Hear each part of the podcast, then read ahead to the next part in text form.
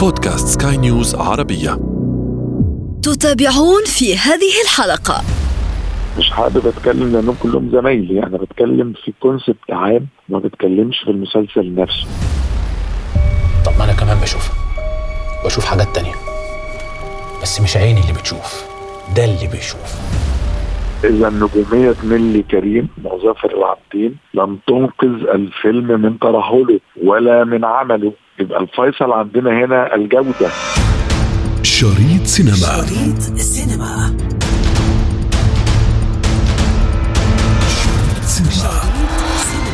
حديثنا اليوم عن الماورائيات ولكن بالإنتاج العربي وتحديدا بالإنتاج المصري. ما وراء الطبيعة. المسلسل التلفزيوني الذي أثار حفيظة النقاد وأثار إعجاب البعض من الجمهور. ما وراء الطبيعة هو مسلسل رعب وإثارة وغموض وتشويق أيضا. هو مسلسل مصري من إنتاج نتفليكس لهذا العام. Paranormal من إخراج عمرو سلامة وماجد الأنصاري. ومن تأليف أحمد خالد توفيق. ومن إنتاج محمد حفظي ونتفليكس. يعد أول إنتاج مصري لنتفليكس وفي البطولة أحمد أمين ورزان جمال وسماء إبراهيم.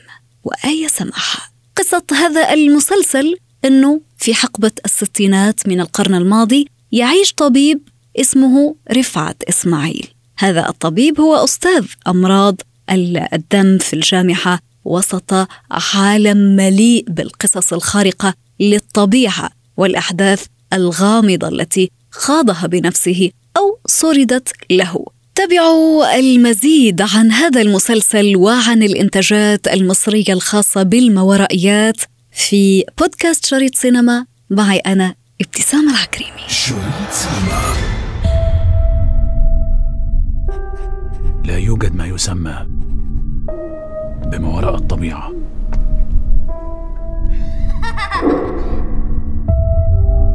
حرام نسرق الحق المعنوي لشوية الهوى اللي حرك الستاير. دخل مسلسل ما وراء الطبيعة قائمة ال IMDb أو Internet Movie Database وهي قاعدة البيانات الكبرى الخاصة بالأفلام على الإنترنت والبرامج التلفزيونية وألعاب الفيديو والشخصيات الخيالية التي ظهرت في مختلف الأعمال الفنية.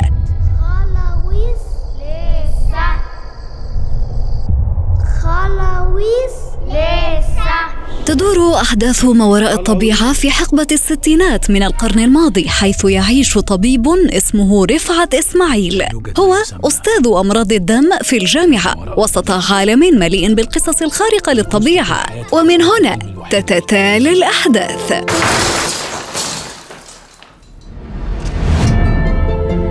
ما كنت عارفة إنك خاطب. عارفة مين أول واحدة حبها؟ حبك الأول كان شبع. وللحديث أكثر حول هذا الموضوع ينضم إلي ضيفي الآن من مصر المؤلف مدحت العدل. أهلا بك أستاذ مدحت. أهلا وسهلا بيكي وبسكاي نيوز. أهلا وسهلا. أستاذ مدحت Paranormal يعني أخذ صيت وأثار الجدل. الآن آه، بصفة أنه المسلسل الأول من إنتاج نتفليكس هنالك العديد من الأشخاص يعني يتحدثون عنه في كل مكان على وسائل التواصل الاجتماعي رغم أنه هنالك بعض الانتقادات اللاذعة ما القصة؟ طبعا أنا مش اولا مش حابب أتكلم عن المسلسل آه، كمسلسل كفية صناعته مستوى مثلا الإخراج مستوى التمثيل مستوى التأليف. مش حابب أتكلم لأنهم كلهم زمايلي. أنا بتكلم في concept عام ما بتكلمش في المسلسل نفسه. لأن أنا شخصيا بحب عمرو سلامة وشايف إنه حد واعد وكويس قوي أنا بتكلم في إن أنا لما تتاح لي فرصة. open budget and open time okay أنا عليا إن أنا أجيب جهدي وأجيب آخري في الموضوع المطروح. وأنا من وجهة نظري إن ده لم يتحقق. كان ممكن يتعمل بحرفية أكتر من كده. كان ممكن نذاكر الموضوع كويس بحيث إن إحنا ما بنعملش أصلا مسلسلات رعب ودي ليها researches بتتعمل وليها references نقدر نرجع ليها آه، وليها طرق وليها ليها ليها حاجات كتيرة جدا جدا. أنا رأيي إن ده ما حصلش. وده اللي أنا باخده على صناع العمل. هذا هذا هذا ليس رأيك أنت فقط ولكن آه، هذا رأي العديد من النقاد. أنا مش ناقد أنا زميل وكنت أحب إن أنت آه، فتحت لينا باب اسمه نتفليكس. آه، العالم كله بيتفرج علينا وبالتالي كنت أتمنى إن أول تقديم لعمل درامي عربي على نتفليكس أو مصري آه، لأن اتعمل قبل كده حاجة أردني أعتقد. أول شيء يتعمل مصري كان يبقى بيقدمنا إحنا شخصيا. أنا دايما بقول لطلبة السيناريو بتوعي اللي أنا بقى يعني بشرح لهم أو بدرسهم اعمل اللي أنت تعرفه كويس. ما تيجي تقدم نفسك لحد قول اتكلم عن أكتر حاجة أنت تعرف تتكلم عنها. إحنا لما نيجي نقدم لنتفليكس لو كنا قدمنا قضية اجتماعية لو كنا قدمنا قضية لها علاقة بالواقع المصري تاكد إنها كانت هتصير كويس قوي للعالم. مش معنى كده إن أنا ما اجربش أو ما اخرجش بره الصندوق لكن لو قررت أخرج بره الصندوق هناك معايير وهناك أسس وهناك دراسات وهناك references لازم ارجع لها قبل ما اقدم نفسي. ربما أرادوا بذلك أن يصنعوا الفرق. بارانورمال أثار الجدل لأنه أول عمل فريد. يعني ربما أثار جوانب لم تثر من قبل. كل الأحداث ما وراء الطبيعة الخرافات الأساطير. كل ذلك يعني تم إثارتها ولكن ولكن يعني هنالك البعض ممن يقولون أنه لم تتم كما تفضلت أنت الآن لم تتم يعني تناولها بالقدر الكافي من المهنية. يعني ما هو ده اللي إحنا بنقوله بقى إن أنت ما, ما, عملتش الهوم ورك بتاعك كويس. الهوم ورك بتاعك يعني أنا دلوقتي بعمل مسلسل عن العصر الفرعوني. هل أنا المفروض أبقى عايش في العصر الفرعوني ولا عندي دراسات وعندي أفلام تسجيلية وعندي أبحاث وعندي ناس بيقعدوا يذاكروا وعندي ناس مهندس ديكور بيجيب مش عارف إيه وعندي graphics بتتعمل perfect يعني ال graphics اللي معمولة. معلش طالب أي طالب في قسم graphics في أي جامعة مرة يعمل أحسن من كده. على الأقل أنا كنت استعنت بأهل الخبرة. لما آجي أعمل آه مثلا آه مسلسل فرعوني أجيب آه أنثى أبو سيف أجيب أحسن مهندس ديكور أجيب راجح داوود يعمل الموسيقى التصويرية فهيعمل شوف المزيكا أيام الفراعنة كانت عامله إزاي. ده دي مذاكرة. وما بقتش صعبة على فكرة. يعني زمان ما كنا بنيجي نعمل مسلسل مثلا يعني زي حديث الصباح والمساء. وإحنا ما إحنا بنعمله. كنا عشان نعرف الغنوة دي كانت موجودة في الزمن ده ولا لأ نكلم الله يرحمه عمار الشريعي ونكلم باحثين. وعشان نعرف غنوة كانت موجودة ولا كانت قبل ولا كانت بعد. دلوقتي جوجل فتح لنا الحياة على مصراعيها تستطيع أن تصل إلى أي معلومة بضغطة زر. الأمور أصبحت متاحة وليست صعبة ولكن وهو ده اللي على فكرة اللي مزعل. أنتوا شباب صغير أتيحت لكم فرصة كان يجب أن تستغلوها على الوجه الأمثل. لكن ربما البعض الآخر كان ينتظر وجوه أخرى أستاذ مدحت. يعني أسماء ربما أقوى من الأسماء الموجودة. لا بصي أنا من وجهة نظري الشخصية أن نتفليكس يتيح لك حاجة مش موجودة في أي في الم... على الأقل بالنسبة للتلفزيونات العادية يعني. ان إن الفيصل عندي هو جودة الممثل وليس اسمه. يعني أنا بتفرج على تمثيليات مثلا أسبانية. أنا مش عارف مين اللي بيمثل وما أعرفش مين النجوم اللي عندهم. هنا الفيصل عندي الممثل الجيد أو الممثلة الجيده من الأكيد جدا أنه طالما أنه الممثل عنده اسم يعني وراه تاريخ. ولكن يعني فلنتعمق أكثر في هذه الأمور وفي الإنتاجات المصرية. هنالك أيضا فيلم حديث مصري كذلك موجود على منصة نتفليكس تقريبا اسمه خط الدم أو Bloodline أحداث بطيئة جدا وضعيفة جدا جدا جدا. هذا رأي الجمهور. إذا نجومية نيلي كريم وظافر العابدين لم تنقذ الفيلم من ترهله ولا من عمله. يبقى الفيصل عندنا هنا الجودة جودة التمثيل وجودة الصنع والسيناريو جودة العمل الذي يبدأ بالسيناريو. أنا لازم بقى أنا أي عمل عندي ببتدي بالسيناريو الجيد ثم بعد كده نبني عليه. زي ما ببني عمارة لو الأساس مش مظبوط هتقع. وب- وبالتالي إذا جودة العمل ما تحققتش عشان أنا معايا نيلي كريم ولا ظفر العابدين. لكن لم تتحقق لأن السيناريو لم يكن جيدا لو لو أنا السيناريو جيد وأنا بدلت نيلي كريم وظافر العابدين باثنين ممثلين كويسين كان هيبقى الفيلم كويس. ده اللي أنا بقوله ودي قيمة منصة زي نتفليكس. انها قد تتيح لك اختيار. ده على فكرة ده شيء يصب في صالح صناع العمل إن أنا هنا ما بدورش على نجم. هي نتفليكس أصلا يعني تصنع النجوم. بالظبط كده. أنا ما بدورش على نجم ياخد مني نص الميزانية. أنا بدور على ممثل كويس حتى لو أجره قليل وال- والباقي بحطه جوه صنعة العمل عشان يطلع كويس. أيضا أستاذ مدحت يعني لو نعود إلى آه، تاريخ السينما المصرية يعني هنالك آه، البعض يجزمون أنه من فيلم الإنس والجن لعادل إمام ويسرى آه، بعدها ظهر الفيل الأزرق آه، ل يعني هند صبري وكريم عبد العزيز يعني هذا الثنائي كان رهيب جدا في تجسيد ال- الأداء والشخصيات. اجزموا أنه من فيلم الإنس والجن إلى حد آه، يعني وقتنا هذا لم آه، يتم إثارة الجمهور بالطريقة التي يعني أثير بها من خلال فيلم آه، الفيل الأزرق. اليوم يعني الكل منشد بعد الفيل الأزرق إلى Paranormal نود أن نعرف يعني ما السر أو ما الضعف ما الضعف الذي تراه في السيناريو الخاص ب Paranormal؟ طبعا آه، نحن لا نتحدث الآن عن الأخطاء آه، أخطاء الديكور وأخطاء آه، التي استجدت في السيناريو كبعض الإدارات التي لم تكن موجودة في ذلك العصر أو في تلك ال- الحقبه لا نتحدث عن هذه ال- الأمور ولكن لنتحدث فقط عن ضعف السيناريو. ما هي الزوايا التي تراها أنت ربما كان لابد الاشتغال عليها أكثر. طبعا هو السؤال جميل بس أنا بعتذر عن الإجابة لأن أنا سيناريست.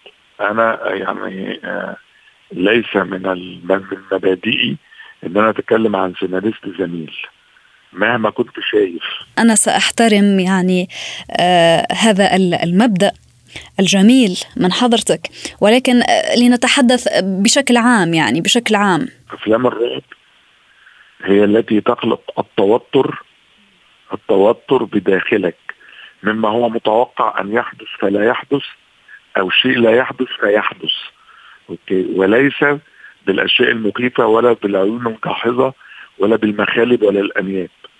الرعب بتخلقه عوامل بتتفرج عليها قد لا يظهر أي مشهد من أي نوع يثير الرعب أو الهلع. لكن الحالة النفسية اللي بتتخلق وانت بتتفرج ولو حضرتك طبعا صغيرة مش زيي لكن لما تتفرجي على فيلم جونز بتاع ستيفن سبيلبرج كان مجرد المزيكا مع سطح المية وانتظار إن Jaws ده هيطلع إحنا في السينما كلنا ماسكين في الكراسي مش مش أي حاجة. الحالة اللي بتخلقها دي حالة سيناريو وحالة إخراج وحالة مزيكا مش مش لازم اتفرج على ابو رجل مسلوقه عشان اخاف. الفهم ده لمعنى الرعب هو اللي كان مفتقد في Paranormal هيتشكوك الطيور ستانلي كوبريك Shining. ما كناش بنشوف ال... ما شفناش مشاهد آه، ترعب ما شفناش مشاهد عيون جاحظة ولا دم ولا أي حاجة. هو خالق حالة الأدرينالين اللي حضرتك بتقولوها بتقوليها فبيرعبني. أنا خايف من طيور آه، بفتح الشباك في بيتي بلاقيها. هو خلاني أخاف من الطيور اللي أنا بشوفها كل يوم اللي هي بقى إنها جزء في حياتي. أيضا آثار العديد من الأفكار حتى يعني أنه حركة الباب حركة آه، ال- ال- النافذة حركة الستائر لماذا وكيف؟ هو ده اللي حضرتك بتقوليه.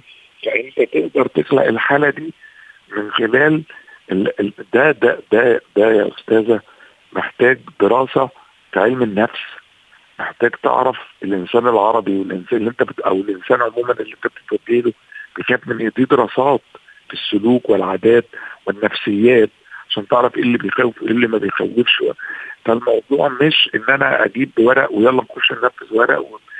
محتاجة تعمق ومحتاجة دراسة ومحتاجة فهم ومحتاجة مذاكرة كل ده عشان في الآخر تصنع مسلسل. بس. اليوم أستاذ مدحت السينما المصرية تتوجه أو آه، يعني تنحني نحو كل ما هو supernatural كل ما هو آه، يعني آه، خاص بمصاصين الدماء أو ال vampires أو كل ما هو paranormal بصفة عامة. لماذا هذا التوجه الجديد؟ هل هو نوع مستحدث؟ هل آه، بقية الأنماط السينمائية آه، يعني هل هنالك جمهور؟ هل هنالك فئة من الجمهور جديدة يعني تتعطش لهذه النوعية من الأعمال ألا وهي النوعية التي تشتهر بها هوليوود وأنت تعلم. كل الأشياء مرتبطة ببعضها. هناك جلوبلايزيشن هناك عولمة. والدنيا بقت قريبة من بعضها. فأنا بتفرج على اللي بيحصل في أمريكا وأنا قاعد في بيتي في مصر وهكذا. آه وإحنا عندنا اتجاهات طيارات كده زي في الثمانينيات نجح فيلم اسمه البطنية لنادية الجندي. فغرق السوق المصري بأفلام عن المخدرات. تمام؟ ثم في مثلا التسعينيات نجح صعيدي في الجامعة الأمريكية. وهو كتابتي وانتاجنا فطلع بعد يعبود على الحدود اشك ولد فاروقسي مش عارف يعني. هناك موجات من الأفلام. ثم ينجح مثلا فيلم رومانسي. هتلاقي عشرات الافلام الرومانسية. آه، ده طبع السينما.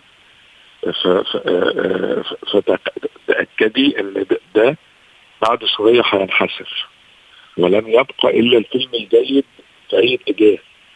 يعني أنت تعملي 20 فيلم حب ينجح Love Story ينجح تايتانيك ينجح. المهم انت بتقدمي إيه في الاتجاه؟ الفيل الأزرق نجح لأنه فيلم معمول كويس. فيلم هو معمول كويس فنجح. فالناس بتدور على ال perfection مش بتدور على الاتجاه. وحتى طريقة الأداء أيضا لهند صبري كانت رائعة جدا. يعني لم تختلف ابدا عن نجوم هوليوود. أنا أشاهد الفيل الأزرق أنا كمشاهد كأني أشاهد أفلام هوليوود. طبعا هو ده بقى العناصر اللي بنتكلم عليه. فهل أنت لو نزلت فيلم رعب ليس جيد الصنع ونزلت جنبه فيلم رومانسي حلو مين فيهم اللي هينجح؟ فيلم رومانسي.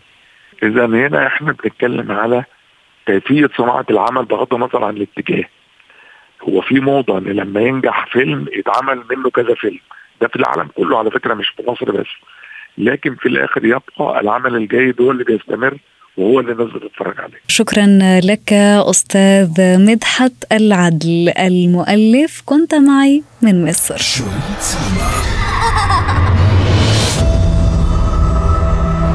فرعون وأساس دلوقتي النداه رفعت هل فعلا شيراز ورا كل ده؟ أنا رايح اعمل مصيبة يا ماجي فهد طب هل خلاص أنا اتجننت وهصدق في الكلام ده؟ المسلسل المصري إذا ورغم الفرصة الكبيرة التي أخذها بعرضه على ملايين المشاهدين بمنصة نتفليكس التي أنتجته إلا أنه لم يحظى بإعجاب الجمهور الذي ضاع وسط تداخل أفكار الحلقات وعدم انتظام حبكته الفنية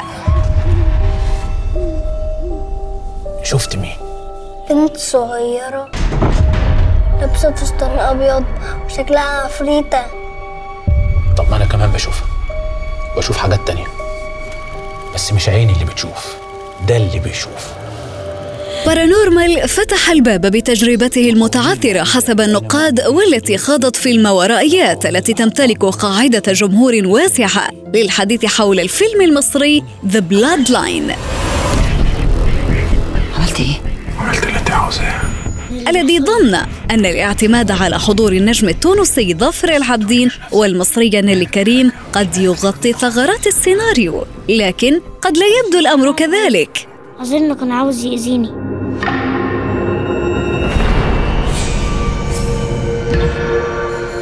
بعد ما سافرت اضطريت أكلمه المستشفى. ما كانش عارف يتنفس لوحده. مش قادرة تاكل القطر ده مش قدر زهقتيش من السجن اللي عايشين فيه ده. ارحمي نفسك ما أقدرش.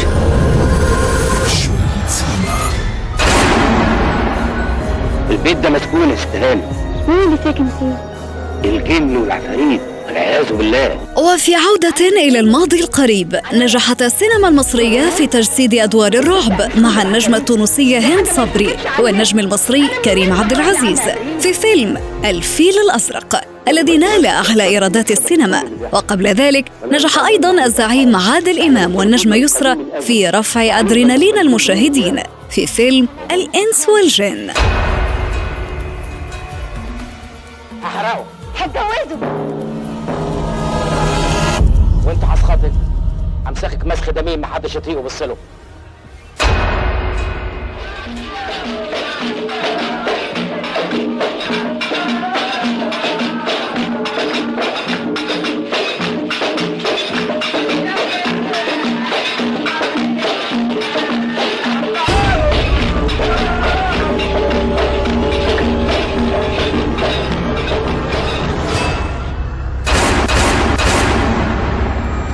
انتظرونا أفلام جديدة في شريط سينما. شريط سينما. شريط سينما. سينما